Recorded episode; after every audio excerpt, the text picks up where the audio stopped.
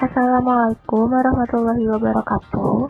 Para mahasiswa di mana pun Anda berada Semoga kalian semua dalam kondisi sehat walafiat Dan Allah subhanahu wa ta'ala melindungi kita semua dalam berbagai aktivitas Selamat berjumpa dalam program podcast Merdeka Belajar Fakultas Ilmu Pendidikan sebagai salah satu sumber belajar pilihan yang dikembangkan oleh Fakultas Ilmu Pendidikan. Pada bincang kali ini, kita akan mengupas satu topik menarik tentang ruang lingkup sarana dan prasarana pendidikan.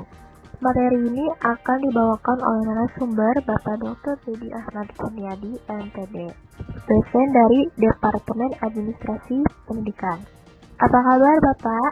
Alhamdulillah.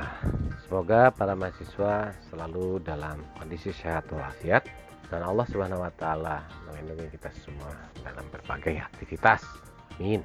Terima kasih Bapak. Pada pembahasan materi kali ini, capaian pembelajaran yang ingin diperoleh adalah mahasiswa mampu menyimpulkan jenis-jenis sarana dan prasarana pendidikan.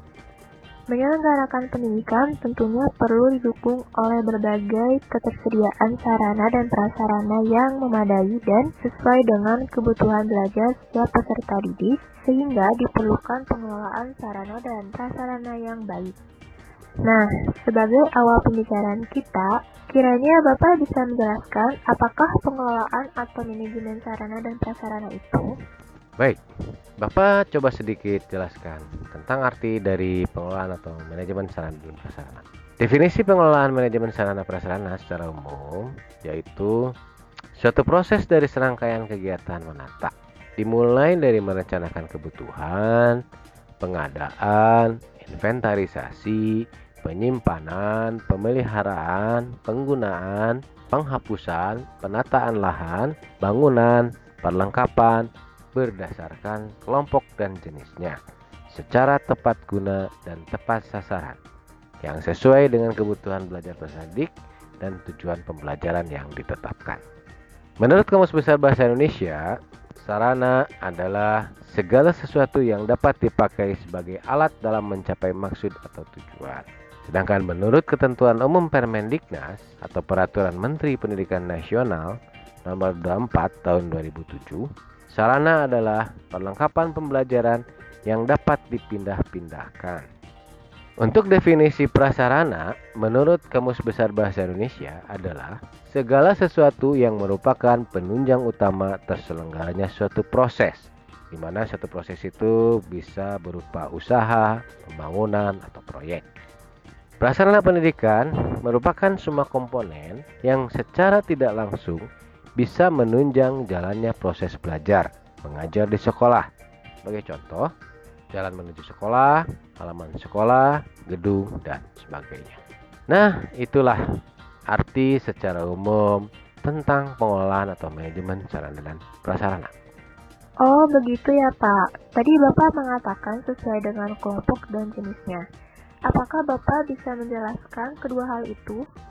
Baik, Selanjutnya Bapak akan jelaskan kelompok dan jenis dari prasarana dan prasarana. Sarana dan prasarana pendidikan pada dasarnya dapat dikelompokkan dalam empat kelompok, yaitu tanah, bangunan, perlengkapan, dan perabot sekolah. Dalam bahasa Inggris itu sering kali kita sebut sebagai site, building, equipment, and furniture. Untuk jenis-jenis sarana dan prasarana pendidikan, dapat dibedakan menjadi sarana fisik dan maupun non fisik.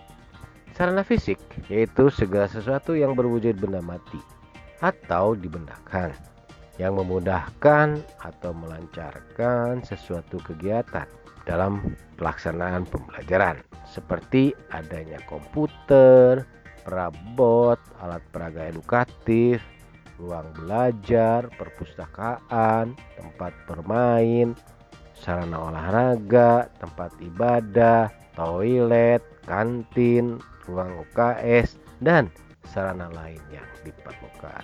Sedangkan untuk sarana non fisik yaitu berupa peraturan-peraturan, tata tertib, dan program-program yang mendukung terciptanya proses belajar mengajar secara efektif dan efisien sesuai dengan tujuan yang ditetapkan.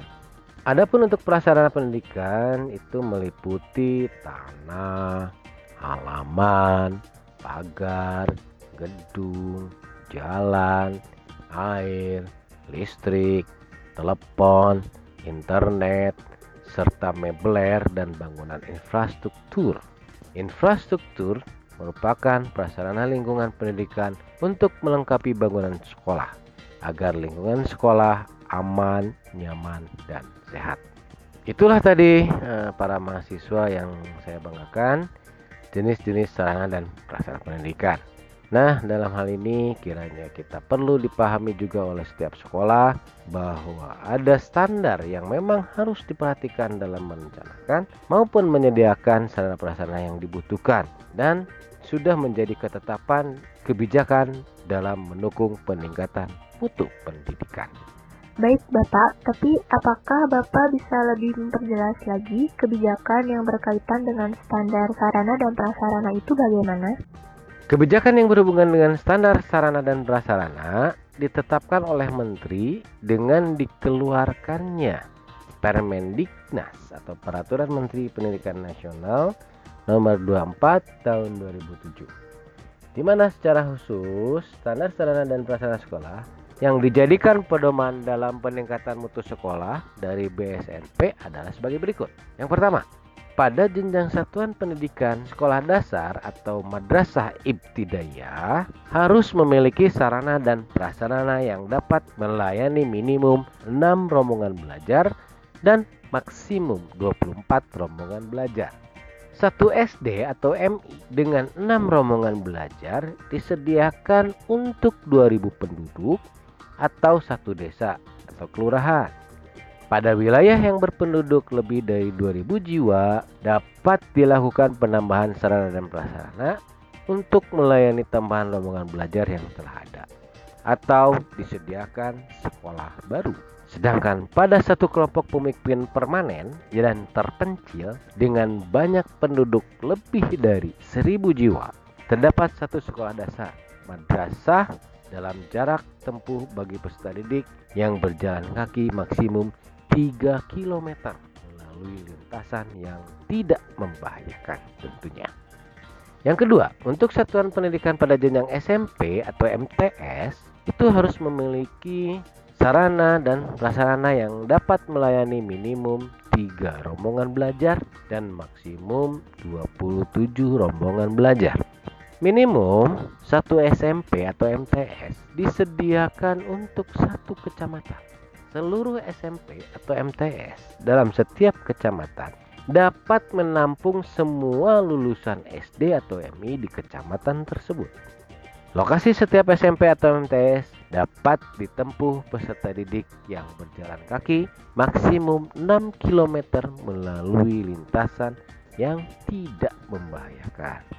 Dan yang ketiga, untuk satuan pendidikan SMA atau MA, satuan pendidikan SMA atau MA itu harus memiliki sarana dan prasarana yang dapat melayani minimum 3 rombongan belajar dan maksimum 27 rombongan belajar.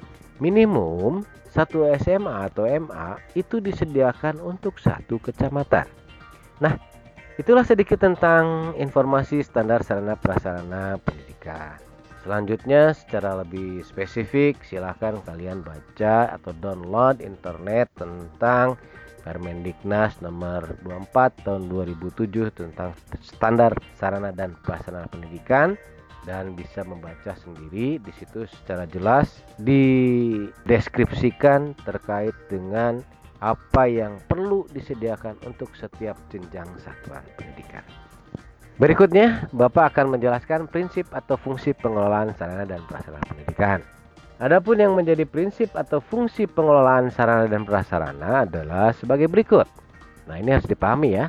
Yang pertama, lahan bangunan dan perlengkapan perabot sekolah harus menggambarkan cita dan citra ras masyarakat seperti halnya yang dinyatakan dalam filsafat dan tujuan pendidikan. Mudah-mudahan para mahasiswa tahu filsafat dan tujuan pendidikan yang sudah ditetapkan. Yang kedua, perencanaan lahan bangunan dan perlengkapan-perlengkapan perabot sekolah hendaknya merupakan pancaran keinginan bersama dan dengan dipertimbangan satu tim ahli yang cakap di lingkungan masyarakat. Jadi perlu ada pertimbangan suatu tim ahli yang ada di lingkungan masyarakat. Yang ketiga, lahan bangunan dan perlengkapan-perlengkapan perabot sekolah hendaknya disesuaikan dengan memadai bagi kepentingan peserta didik demi terbentuknya karakter mereka dan dapat melayani serta menjamin mereka di waktu belajar, bekerja, dan bermain sesuai dengan bakatnya masing-masing. Yang keempat, lahan bangunan dan perlengkapan-perlengkapan perabot sekolah serta alat-alatnya hendaknya disesuaikan dengan kepentingan pendidikan yang bersumber dari kepentingan serta kegunaan atau manfaat bagi setiap peserta didik dan para guru. Seorang penanggung jawab sekolah atau kepala sekolah harus mempunyai kecakapan untuk mengenal secara baik kualitatif maupun kuantitatif serta menggunakannya dengan tepat fungsi bangunan dan perlengkapannya. Yang keenam, sebagai penanggung jawab, harus mampu memelihara serta menggunakan bangunan dan tanah sekitarnya, sehingga ia dapat membantu terwujudnya kesehatan, keamanan, kebahagiaan, dan keindahan serta kemampuan dari sekolah dan masyarakat. Yang ketujuh, sebagai penanggung jawab, kepala sekolah bukan hanya mengetahui kekayaan sekolah yang dipercayakan kepadanya, tetapi harus memperhatikan seluruh keperluan alat-alat pendidikan yang dibutuhkan oleh peserta didik. Itu kiranya yang bisa Bapak sampaikan. Terima kasih Bapak atas pengetahuan dan sharing informasinya terkait dengan materi yang disampaikan kali ini dalam topik pengelolaan sarana dan prasarana pendidikan. Mungkin berkenan Bapak untuk menutup langsung kegiatan kita kali ini, kita silakan. Para mahasiswa di mana pun Anda berada, demikian paparan materi tentang sarana dan prasarana pendidikan. Semoga dengan mendengarkan uraian ini, diharapkan kalian semakin memahami tentang jenis-jenis sarana dan prasarana pendidikan. Sehingga kalian pun mampu menyimpulkan perbedaan sarana dan prasarana pendidikan. Sebelum saya tutup, Bapak ucapkan terima kasih sudah mendengarkan podcast Pendidikan Merdeka Belajar Fakultas Ilmu Pendidikan Universitas Pendidikan Indonesia. Namun apabila jika para mahasiswa masih ada pertanyaan, silahkan Anda dapat follow akun Instagram @vipupi. Bagi para mahasiswa yang ingin melihat video pembelajaran, dapat juga mengunjungi channel YouTube Fakultas Ilmu Pendidikan. Terima kasih. Saya Didi Ahmad Kurniadi undur diri. Sampai jumpa pada lain kesempatan. Wabillahi taufik wal hidayah. Assalamualaikum warahmatullahi wabarakatuh. Podcast, podcast, reka, reka, belajar, belajar, hebat.